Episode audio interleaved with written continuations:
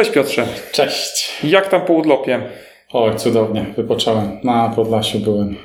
Bardzo mi się podobało. Widziałeś żubra? Widziałem w rezerwacie. Tak na, na dziko spotkać żubra to trzeba mieć dużo szczęścia. Po nieszczęście. Nie, no to szczęście jest. Piękne zwierzę. Nie no, na pewno, nie? Chociaż wiesz.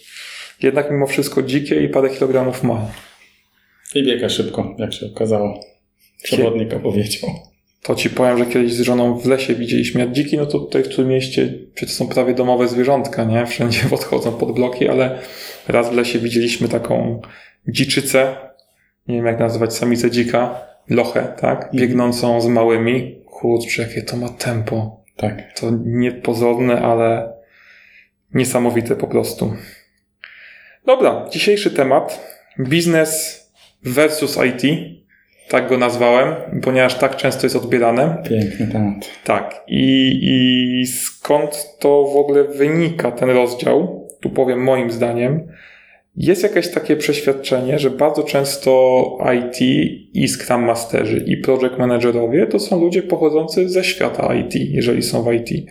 A z drugiej strony mamy ten biznes i bardzo często ci ludzie się nie rozumieją, nie dogadują, co co jest dla mnie trochę zrozumiałe. Ja akurat pochodzę z drugiego świata, czyli zacząłem od y, technicznych, inżynieryjnych rzeczy, potem byłem przy gdzieś produkcji, przy zarządzie, linie dostaw, y, rozkminianie skąd brać dostawców i dlaczego, bo to nie zawsze jest logiczna decyzja, czasami jest podyktowana względami mniej logicznymi, mniej racjonalnymi.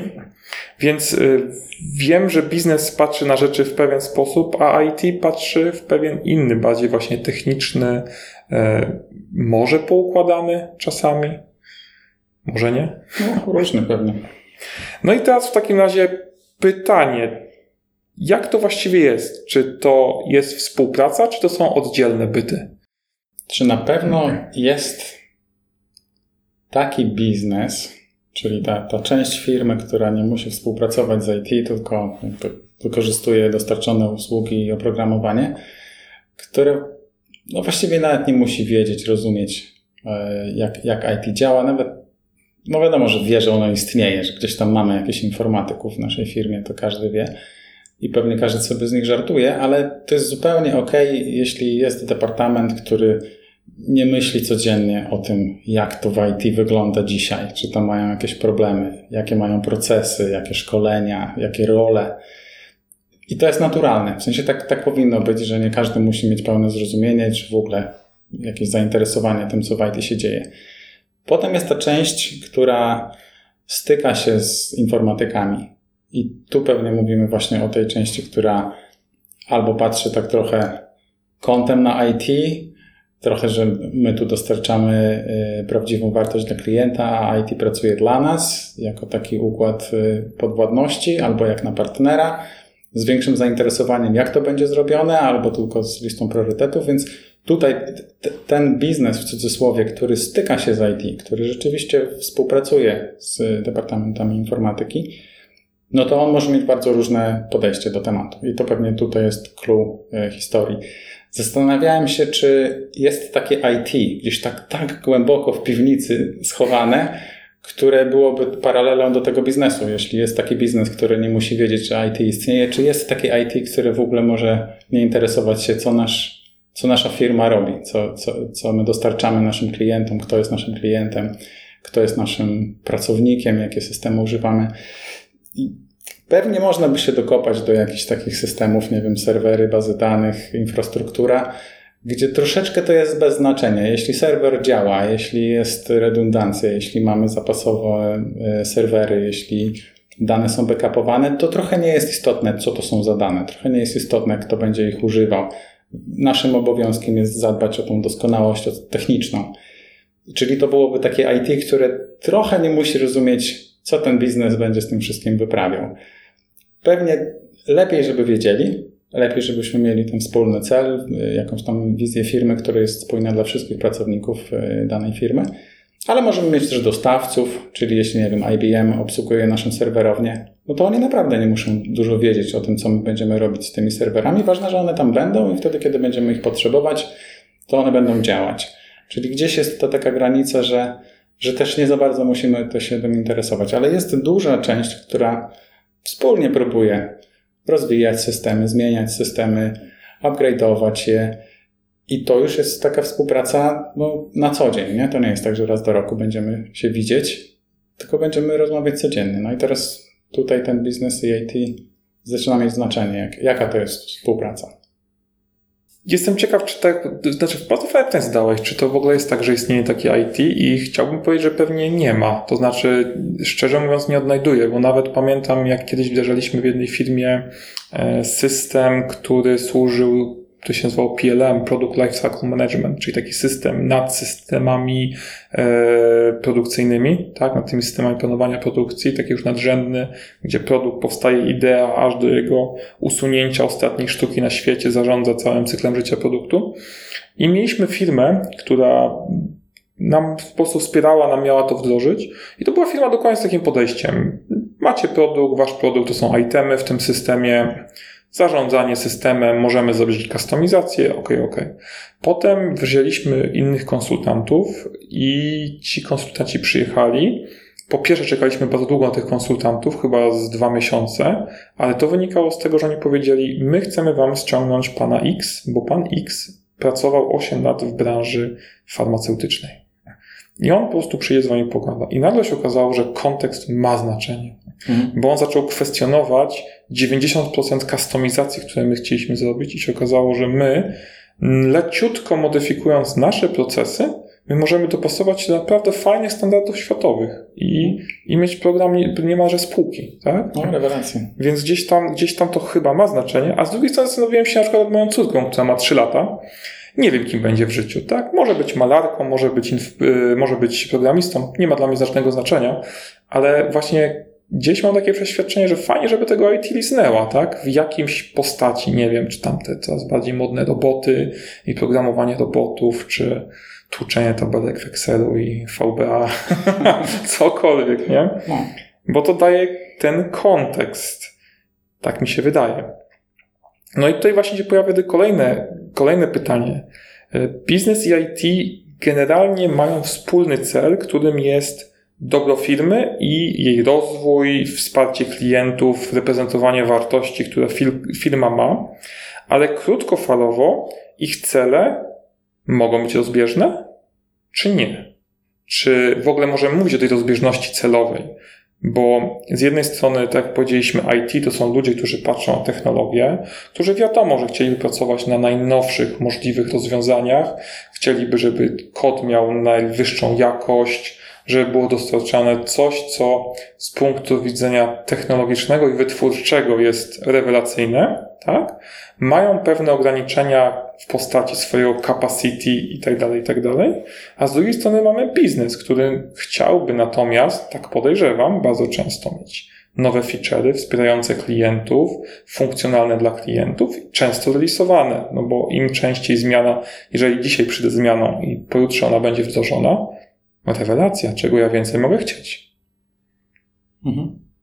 I tu gdzieś wydaje mi się, że jest duża, mm, duże pole do niezgody, przestrzeń do konfliktów na tym tle. No może być, tak. To trochę takich nieporozumień, bo nawet jak to przedstawiłeś, że IT ma te swoje cele, że, że chcą, żeby to było dobrze zrobione, że chcą, żeby to było y, nowe platformy, nowe technologie. Przecież to oni tego nie robią złośliwie. To nie są jakieś y, rozbieżne cele z celami biznesowymi, czyli biznes chciałby coś, a IT na złość chce wdrożyć nową platformę. Coś tam jest takiego, o czym pewnie informatycy wiedzą więcej e, i szybciej uzasadnią, dlaczego byłoby to dobre dla naszej firmy. Czyli te cele takie wspólne, biznesowe, to one są jedne, to nie są dwie różne firmy.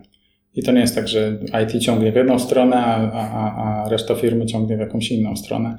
Natomiast każdy będzie miał, i to myślę, że nawet każdy departament, bo tu tak uogólniamy, że jest biznes i IT, ale ja przez te kilkanaście lat y, pracy z różnymi, w cudzysłowie, biznesami, y, spotkałem się z, nie wiem, księgowością, która uważa, że księgowość w firmie jest najważniejsza. Na pewno nie IT, ale ludzie, którzy robią, nie wiem, y, przelewy w bankowości i obsługę SWIFTów i SEPy i, i takie codzienne transakcje mówią, że księgowość nie jest najważniejsza, to przelewy są najważniejsze. Bez przelewów nie da się żyć, banku nie będzie, jeśli stanie y, ten system transakcyjny. Ktoś inny powie, że baza klientów jest najważniejsza, to my obsługujemy klientów. Oddziały banku są najważniejsze. I teraz każdy, kto gdzieś tam siedzi, widzi swój ten horyzont taki najbliższy i mówi, to, to co ja robię, jest tak ważne, że bez tego banku nie ma. Tylko, że to jest prawda. O, o tych wszystkich ludziach można powiedzieć, że oni nie kłamią. I tak samo IT powie, to co my robimy, te serwery, te usługi, to oprogramowanie, to jest najważniejsze. Natomiast no, firma składa się z wszystkich tych komponentów, wszystkie te puzzle muszą działać i, i, i, nikt nie kłamie. To, co robię, jest ważne, ale to, co ty robisz, to, co robi IT, to, co robi ktoś inny, nie wiem, w HR-ach, jest tak samo ważne, jest też potrzebny w firmie. Nie byłoby departamentu, gdyby on był niepotrzebny. Więc jakby z tego uogólnienia biznes IT, no to IT też będzie miało to poczucie, że to, co my robimy, jest ważne, a mniej zrozumienia, co robi ta druga strona, no bo my tam nie pracujemy na co dzień. I teraz jak tą współpracę ułożyć, żeby rozumieć troszeczkę więcej. Z mojego prywatnego punktu widzenia, najpiękniejsza współpraca biznes IT w moim życiu wydarzyła się wtedy, kiedy się zakochałem w mojej żonie, która jest biznesem, w cudzysłowie. I raptem okazało się, że no, na randkach rozmawialiśmy o różnych rzeczach, ale też o biznes i IT. I były to zupełnie dwie różne perspektywy. I wtedy otwierają ci się oczy, nie? To, to nie musi być romantyczna rozmowa, ale wtedy, kiedy masz partnera do rozmowy, gdzie ta druga strona opowiada, jakie to jest dla mnie trudne, jakie to jest dla mnie ważne. I tak samo też jestem pewien, że moja żona lepiej rozumie IT przez to, że my się poznaliśmy, nie? że jest w stanie opowiedzieć o tym, jakie problemy y, mają departamenty IT, jakie wyzwania są przed nimi, dlaczego robimy takie releasy, czemu czasem są błędy produkcyjne i nawet jest w stanie wytłumaczyć klientowi banku, dlaczego to jest dobre, że wdrożyliśmy coś, co jest niedoskonałe, ale wdrożyliśmy to szybko, versus wdrożyliśmy bezbłędną aplikację po dwóch latach testów. I, i, i taki komunikat do klienta, który no, dzwoni i mówi: y, Panie Gosiu, to nie działa. I ona jest w stanie powiedzieć tak, bo nasze IT robi teraz więcej releasów i one są dużo szybsze i dzięki temu mamy wszystkie te nowe funkcje jeszcze w tym roku, a część z nich wymaga dopracowania i to będzie już w tym roku naprawione.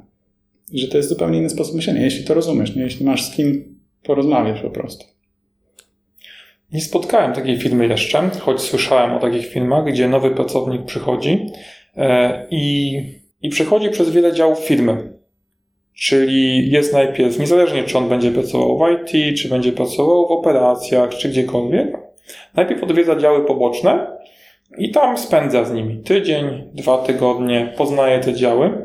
I to jest Wydaje się bardzo fajne rozwiązanie, choć mówię, nie spotkałem go jeszcze w rzeczywistości. To jest nowe. W sensie, ja, ja, czytałem o tym, nie, nie wiem teraz, nie, nie, nie, dam sobie ręki obciąć, czy to jest Toyota Production Systems, czy coś takiego, ale gdzieś y, czytałem o tym, że kadra zarządzająca wtedy, kiedy dołączasz do Toyoty, to tam jest okres chyba 60 dni takiego shadowingu, kiedy nie robisz swojej pracy, patrzysz na innych, którzy robią swoją pracę. I to jest genialne, bo mi to zajęło kilkanaście lat, żeby odwiedzić tych wszystkich ludzi, którzy uważają, że to, co robią, jest najważniejsze.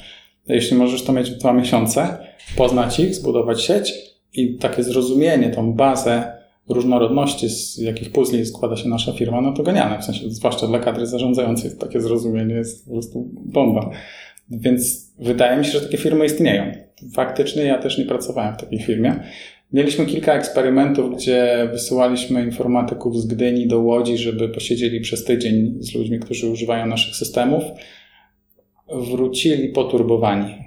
Rzeczywiście to, to byli bardzo smutni ludzie. Wtedy, kiedy z tego poczucia, że IT jest doskonałe, świetne i kto nam może podskoczyć, widzisz panią, która na kartkę y, post-it przepisuje dane z jednego systemu do drugiego, bo tego się nie da przekleić na przykład, nie? I ona prosi o pomoc, a ty wiesz, że to będzie, nie wiem, za dwa lata naprawione, bo są inne priorytety teraz.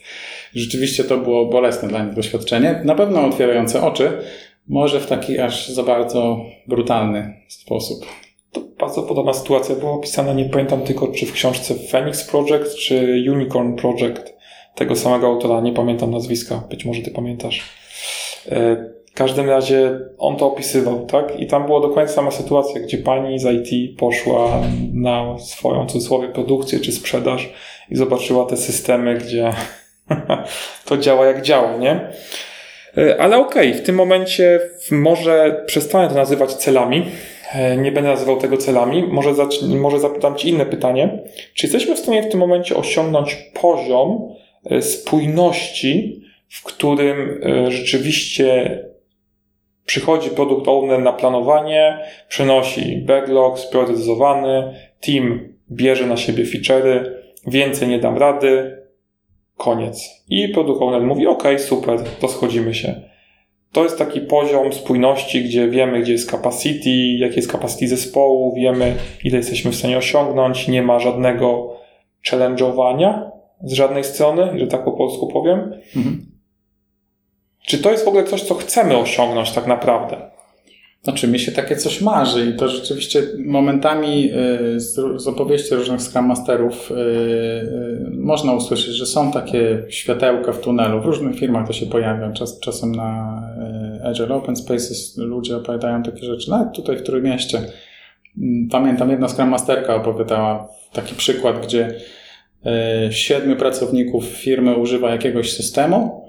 No i jest teraz ta trudna decyzja, kto będzie product ownerem wybierają tego, który najmniej boi się IT, najmniej się wstydzi rozmawiać z informatykami, który, nie wiem, lubi nowe telefony i nowe technologie. Przegrał w I kości. Tak, i, i, I mówi, to ty będziesz chodził do tych informatyków, ty będziesz im opowiadał, co, co u nas słychać, jakie są nasze priorytety, jakie są nasze bolączki. I teraz ten product owner, który dalej na co dzień używa tych systemów i siedzi razem z tymi wszystkimi y, użytkownikami, przychodzi raz na jakiś czas na planowanie sprintu, na, na, na planowanie PI-a, i reprezentuje tak zwany biznes w Scrum Teamie i opowiada, jakie są ich potrzeby. I, i jak, jak ona opowiadała o tej współpracy, trochę z takim znakiem zapytania, czy tak to powinno wyglądać, to, to ja po prostu w środku krzyczałem, tak, właśnie tak to ma być. To właśnie ma być człowiek, który zna użytkowników końcowych, który najlepiej jest użytkownikiem końcowym i jest w stanie opowiedzieć to wszystko. On nie musi naciskać zespołu w takim sensie dokręcania śruby,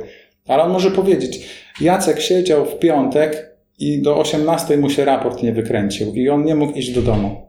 I tu nie trzeba więcej śruby dokręcać. To, to są fakty. I wtedy na planowaniu sprintu mówię, ja chcę to poprawić. To, to, to musi działać szybciej. To nie może tak być, że ja klikam w ikonkę i możemy iść na kawę.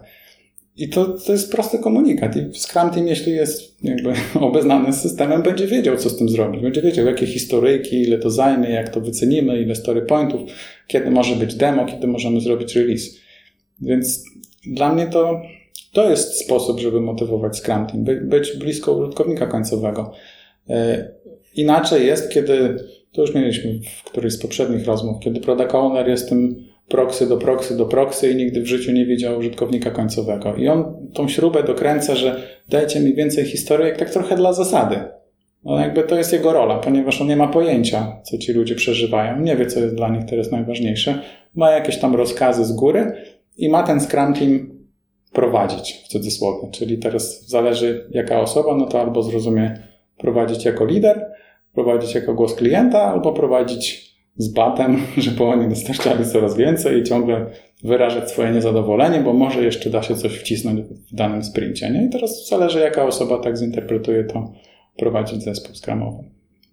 Więc no to chyba o taką współpracę mi chodzi, nie? żeby y,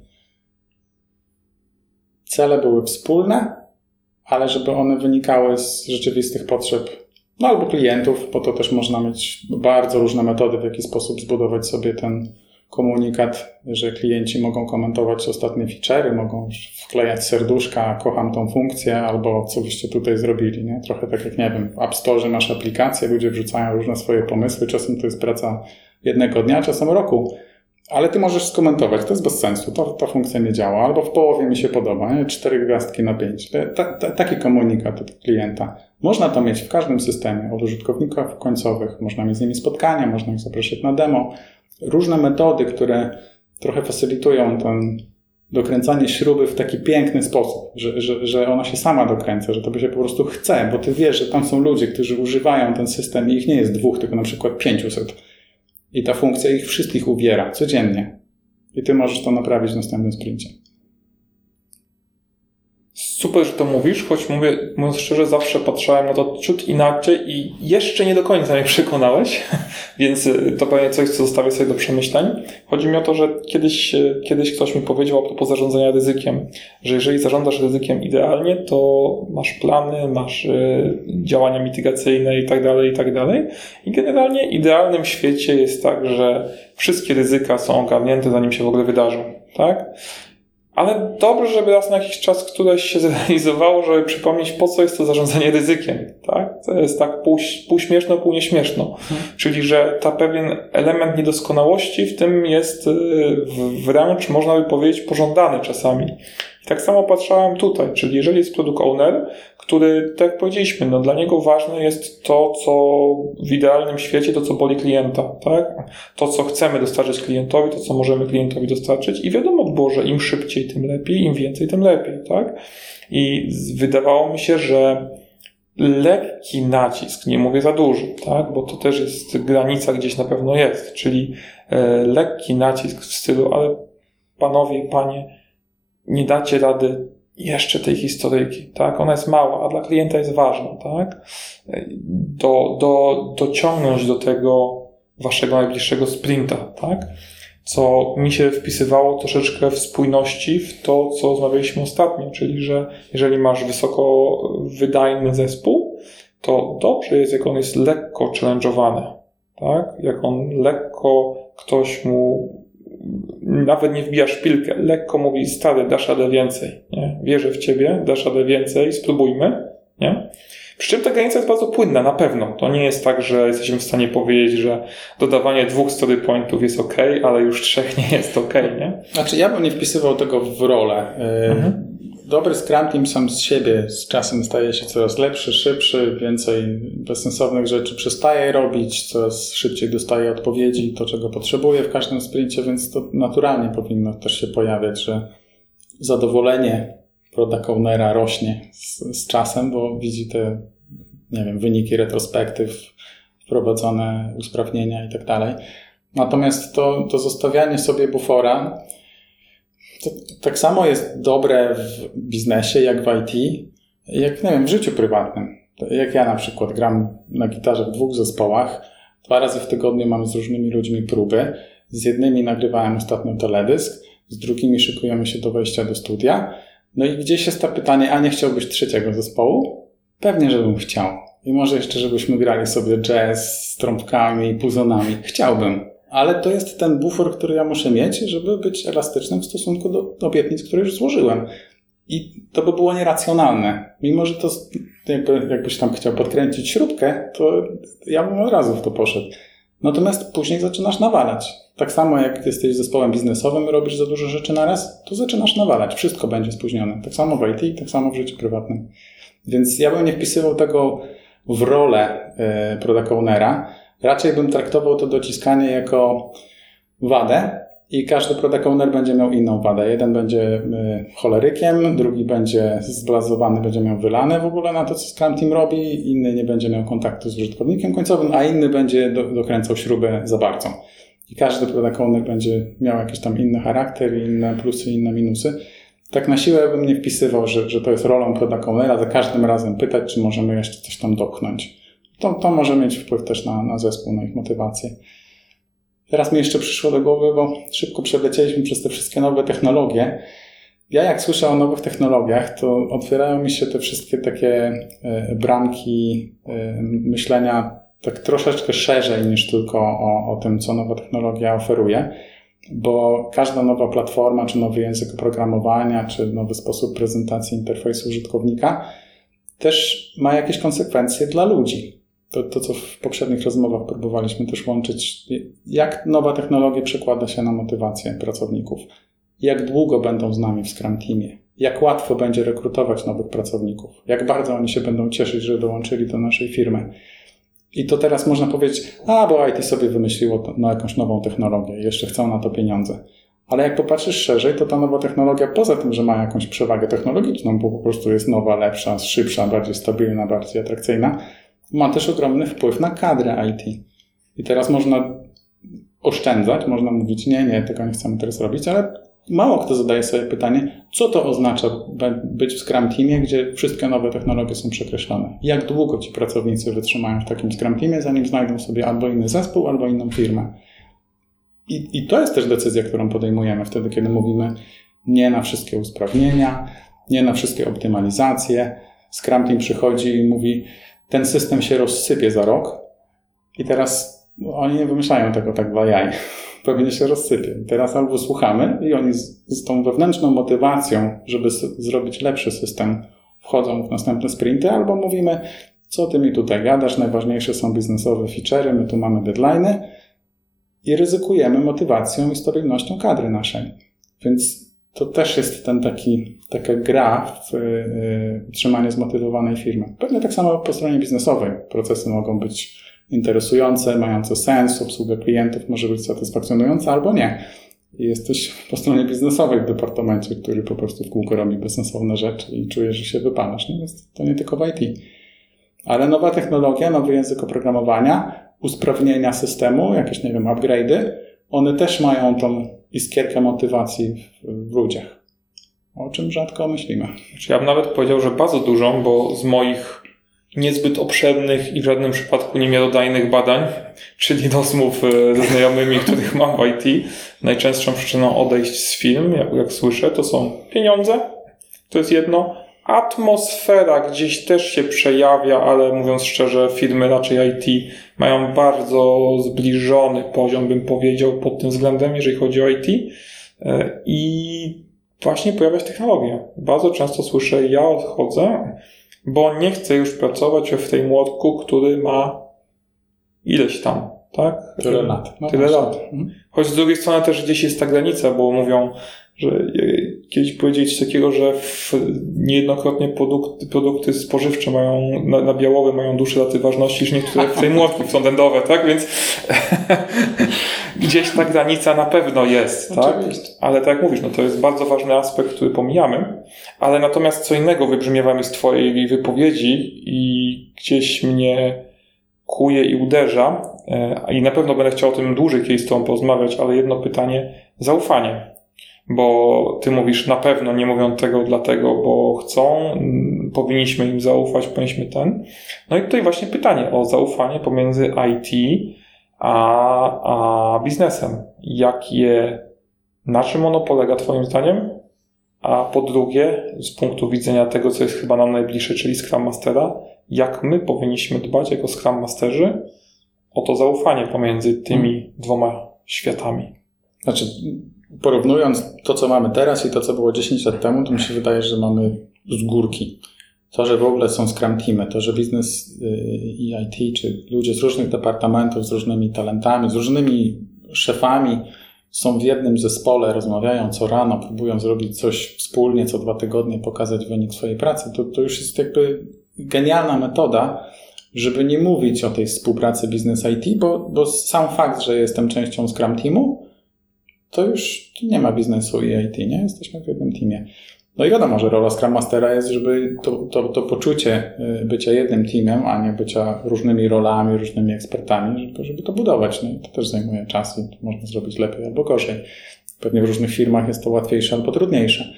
Natomiast wtedy, kiedy mamy Scrum Teamy, nie wiem, mamy y, w Norwegii Release Train i tam jest 100 osób, ogromna mikstura różnych talentów, różnych departamentów, włączając w to czasem marketing, sprzedaż, prawników, informatyków, architektów, analityków, testerów, deweloperów, ludzie różnych departamentów, którzy co kwartał siedzą razem przez dwa dni i próbują coś zaplanować i osiągnąć w niecałe 10-12 tygodni.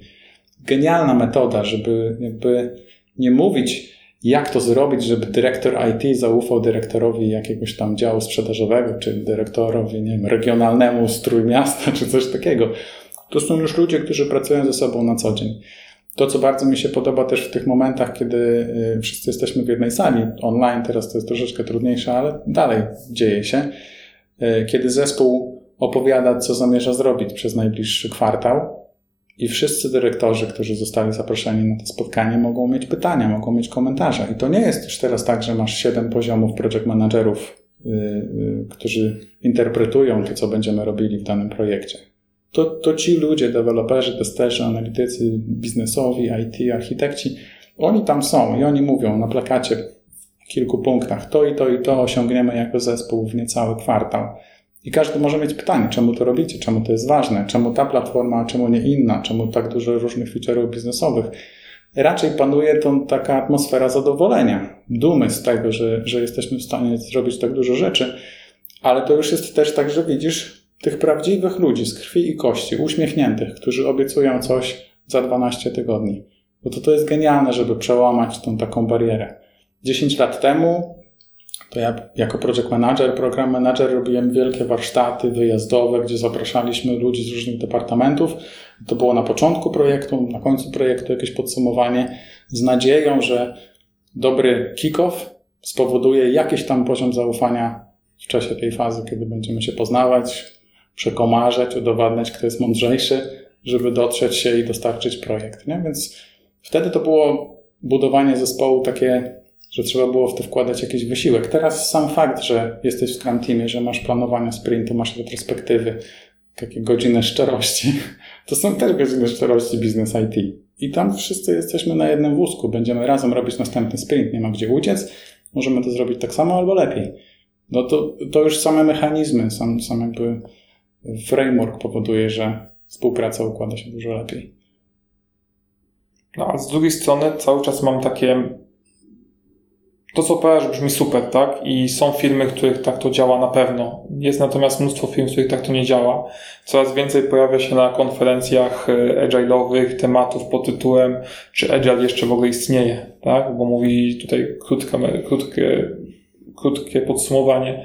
Agile to były teamy. Powoli idziemy w kierunku Scale Framework i innych metodologii, gdzie ten team staje się na tym całym wykresie jedną kropką, wokół tych wszystkich procesów, które tam są zbudowane, tak? I nie, może nie neguję tej metodologii, nie? Tylko pytanie, czy my nie odchodzimy od tego zaufania zespołowi, tak? A z drugiej strony widziałem próby włączenia biznesu do zespołów skramowych, bo na razie one są na brzegu, tak? Czyli jest product owner, jest scrum team. I widziałem metody, gdzie próbowano włączyć analityków, na przykład biznesowych do zespołu i tak dalej, i tak tak? Ale na razie cały czas ja to widzę jako pierwiostki, tak? Czyli cały czas, cały czas zauważ, że nawet my tu mówimy i pomimo, że troszeczkę przekorą nazwałem to Business versus IT ten odcinek, ale my cały czas mówimy Business IT, nie? Pomimo, że ta współpraca u nas w firmie akurat wydaje mi się bardzo dobra i bardzo blisko jesteśmy siebie i naprawdę y, możemy rozumieć się nawzajem, to cały czas w nomenklaturze, którą się posługujemy, jest biznes, jest IT i tego ciężko to wyprzeć. I zaufanie wydaje mi się, że to, co, jak ty, to, co ty powiedziałeś, to we mnie zarezonowało, jak powiedziałeś, mieć takiego product ownera, który przychodzi i mówi, stary, ja to używam, to jest masakra. Zróbmy coś z tym, tak? Hmm? Zrób, żeby ten przycisk trzeba było kliknąć raz, a nie pięć razy, tak? Tak. Bo to rzeczywiście mnie boli. I to, yy, czyli przekładając to na taki trochę meta poziom, czyli mieć zaufanie na poziomie tym, że product owner przychodzi z czymś, co rzeczywiście musi być zmienione, czy rzeczywiście ma wartość na kliencie, a z drugiej strony team odpowiada mu tym, że dostarcza tyle obiecał. Tak. I to jest ta chyba podstawa zaufania, tak mi się wydaje. Choć z tysiącem odcieni szarości, o których możemy rozmawiać pewnie godzinami, tak? Zwiększanie skołpu, próby dorzucania, zmienianie priorytetów i tak dalej, i tak dalej, i dalej? Jasne. Ja tak sobie myślę, no to właściwie jedna retrospektywa, na której ktoś mówi, nasz product owner wie za mało, Niezłośliwie, ale brakuje nam. Kogoś nam brakuje w zespole. No i teraz pytanie, jaka to jest firma? Czy, czy możemy mieć kogoś, kto rzeczywiście używa tego systemu? Czy możemy go mieć na planowaniu sprintu? Czy możemy go mieć nie wiem, na backlog refinement? A sprinty to już ta osoba nie musi wiedzieć, że my robimy sobie historyjki, story pointy, sprint planningi, review i demo. To, to może nie być ciekawe dla osoby, która używa dany system, ale ta rozmowa, a dzień dobry, jesteśmy Scrum Teamem, będziemy rozwijać to oprogramowanie, co tam słychać, co, ta, co, co tam działa, co nie działa, nie? No prosta rzecz. De facto powinien robić product owner, no ale jeśli nie robi, no to teraz spróbujmy zrobić to jako zespół, nie? Pomóc product ownerowi. To nie powinno być takie trudne. To, to jest do zrobienia. W sensie, jeśli to jest nasz ten jakby po, po, podstawowa bolączka, tak, taki, nie wiem, clue retrospektywy, że my nie mamy kontaktu z użytkownikiem końcowym, to to można zaadresować. Pewnie na wiele różnych sposobów, natomiast da się. To nie jest tak, że się nie da. No i teraz w jednej firmie to będzie już w następnym sprincie, w jednej firmie to będzie zróbmy to po wakacjach, a w jednej firmie to będzie za dwa lata albo nigdy. No i to już to pytanie, jaką mamy moc, jak nie wiem, jak ta transformacja agile'owa idzie, jak, jak ta, ta strona, która obsługuje system jest skoro dołączyć do, do naszych rzeczy. Widziałem takie rzeczy, które wciągają użytkowników końcowych w e, Innovation Lab albo coś, co e, pozwala, nie wiem, spędzić jeden dzień w tygodniu, żeby rozwijać system zamiast go używać. I to jest użytkownik końcowy, który przez 4 dni w tygodniu, w każdym tygodniu wykonuje po prostu swoją normalną pracę, ale przez jeden dzień w tygodniu jest alokowany, czasem to jest podróż, y, żeby spotkać się z zespołem skramowym, czasem to jest po prostu dzień na Skype'ie, ale to jest coś regularnego, to nie jest tylko taka burza mózgów raz na 5 lat, to rzeczywiście jest regularna współpraca i wszystkie te komentarze, które z moich 4 dni pracy z systemem mam, w ten jeden dzień mogę się nimi podzielić, mogę coś zrobić, możemy napisać historyjki, możemy narysować prototyp, jakbyś sobie to wyobrażał, co działa, co nie działa, co szybko, co wolno, gdzie kliknąć, ile razy, co na której zakładce. Mnóstwo pomysłów rodzi się w ten sposób, kiedy masz dostęp taki bezpośredni do użytkownika końcowego. I to może być backlog refinement, to może być jakieś święto pomysłów, jakkolwiek sobie to nazwiesz. No? I to już może istnieć. To teraz pytanie, jeśli taki masz pomysł na koniec yy, sprintu, no to ile zajmie, żeby to wdrożyć? Jak skora firma będzie, żeby powiedzieć, tak, to rzeczywiście przełoży się na jakość, przełoży się na prędkość, przełoży się na motywację, chcemy to mieć. Czyli dodajemy jeszcze e, ten drobny punkt, zaufanie całej organizacji do tego, tak. co robią, zespołów, procesów i tak dalej. Tak, no jest cena. Ten człowiek nie będzie wykonywał swojej pracy przez cały dzień i co z tego, nie? Co to jest policzalne. Wynika? Tak, to, to się to jest policzalne. A co z tego wynika? No być może wynika z tego dużo pięknych rzeczy, dużo fajnych usprawnień. Takich zrobionych w punkt na życzenie użytkownika, a nie na ślepo, albo tylko dlatego, że były na to pieniądze, czy że, że zgadujemy o co chodzi. To w takim razie jeszcze raz wrócę do Scrum Mastera i do jego roli w tym wszystkim, jako osoby facylitującej. E, I pytanie o niego, bo czasami mam wrażenie, że zapominamy, nie wiem z czego to wynika, tak? Jako project manager, który został Scrum Masterem, chciałbym powiedzieć, że to wynika z tego, że wielu Scrum Masterów nie ma tego backgroundu, wiesz, project managementowego. Ale to nieprawda, tak? To nie jest prawda. Ale niemniej bardzo często widzę, że zapominamy o tym, że naszym interesariuszem nie jest tylko product owner, że jest całe gro ludzi stojących za nim. I teraz w procesach skramowych, skramie i tak dalej, nie ma czegoś takiego jak w PMBOK-u sekcja, która nazywa się Stakeholders Management i tak dalej, i tak dalej. Jak podejść do zarządzania interesariuszami przez Scrum Mastera w teamie? No to już chyba większość rzeczy powiedzieliśmy. To już sam, sam fakt, że y, zdaliśmy sobie sprawę z tego, że albo to mamy, albo nam tego brakuje. Być może też bo na przykład słuchając takiej rozmowy może się zapalić lampka, że to w ogóle jest możliwe. Że po naszym release w poniedziałek, we wtorek możemy już mieć listę komentarzy od użytkowników końcowych, którzy zaczęli używać tej funkcji. I to, i to nie jest tylko rozmowa na kawie, bo to też jest całkiem dobre narzędzie. Spotkać się z kimś, kogo znasz, to, to, to moja rozmowa z żoną a i ty coś dostarcza na koniec roku, a ja już 3 stycznia wiem, czy to było dobre, czy jak zostało to odebrane przez biznes i ile frustracji spowodowało po tamtej stronie. To też jest narzędzie, zwykła rozmowa przy kawie. Ale to mogą być też narzędzia bardziej oficjalne. To mogą być systemy elektroniczne, które pozwalają komentować, lajkować różne rzeczy. Nie? Więc to, to, te wszystkie rzeczy są do zrobienia. Prostsze to są spotkania z ludźmi, tylko one z kolei wymagają czasu, zgody kogoś, kto jest przełożonym tego pracownika i tak dalej.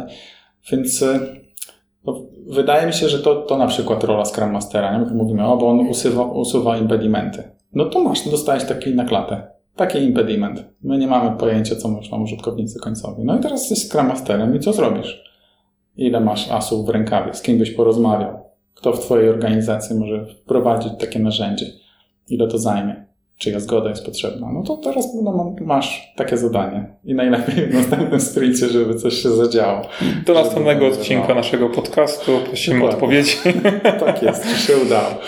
Więc y, to na pewno jest coś, co może y, dobrze zadziałać.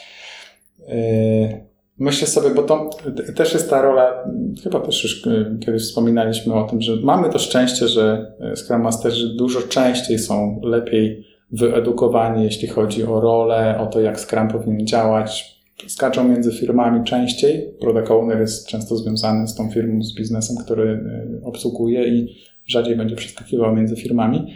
Więc Scrum Master być może nawet widział taki dobrze działający Scrum Team, dobrze działającą firmę, gdzie ten proces był oparty na zaufaniu i był szybki i te, te pętle zwrotne były szybkie i dostawaliśmy komentarze właściwie natychmiast, następnego dnia od użytkowników końcowych, więc rolą Scrum Mastera, który wie czego chce, jest też współpraca z Product Ownerem. Jakby no, snucie tych opowieści, że y, to jest możliwe, że, że to jest wręcz rolą Product Ownera, żeby użytkowników końcowych znać, żeby znać użytkowników końcowych u nas i może w innej firmie, jak oni to robią, jakieś, nie wiem, trendy rynkowe, innowacje, dostawców zewnętrznych, którzy pro, proponują różne wynalazki wokół tego, co robimy, jakie systemy są teraz na rynku modne.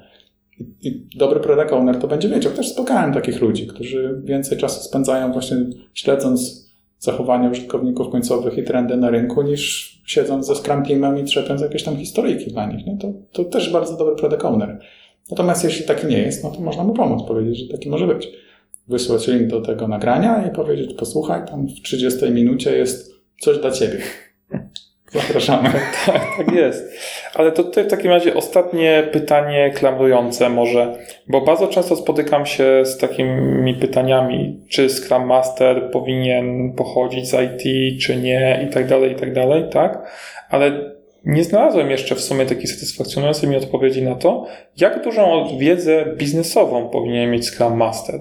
Zarówno w kontekście takim obszaru, którym się zajmuje, tak, czyli tą powiedzmy wąską, ale też pytanie taką ogólnobiznesową, tak?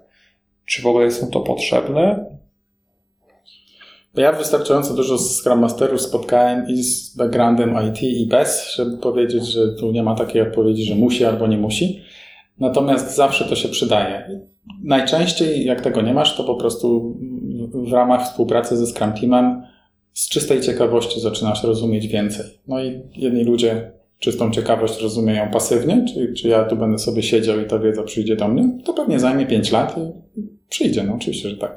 Inni będą rozumieli to bardziej aktywnie i powiedzą sobie, jeśli teraz zajmuję się taką działką biznesową, czy nie wiem, właśnie przemysł farmaceutyczny, mhm. albo teraz jakieś ma maszyny, a teraz będę w Scrum Teamie, który dostarcza jakieś rzeczy w chmurze, no to podejdą do tego aktywnie i będą chcieli zrozumieć więcej. Będą mieli spotkania i to, to nawet może być czysty shadowing użytkownika końcowego, product ownera, ludzi w własnym Scrum Teamie, żeby zrozumieć, co oni robią, w jaki sposób to robią. To, to nie jest tak, że musisz iść na jakieś gigantyczne szkolenie, które zajmie kwartał. To, to jest jeden dzień z tą osobą, jeden dzień z tą osobą. Słuchaj, jestem Scrum Masterem.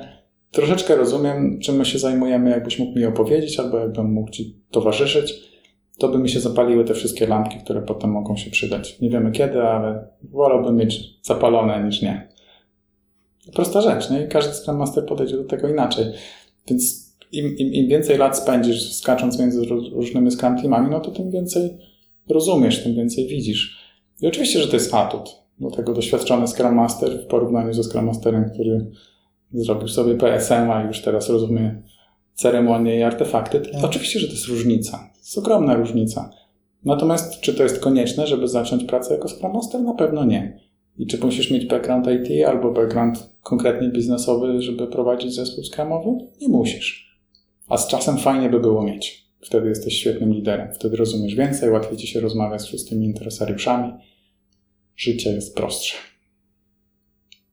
Dodam jeszcze taką już czystą, sprowadzającą nas na ziemię informację, co było dla mnie zaskoczeniem, ale to byłem, byłem project managerem jeszcze, tak? Nie wiem, jak to się odnosi do Scrum Masterów.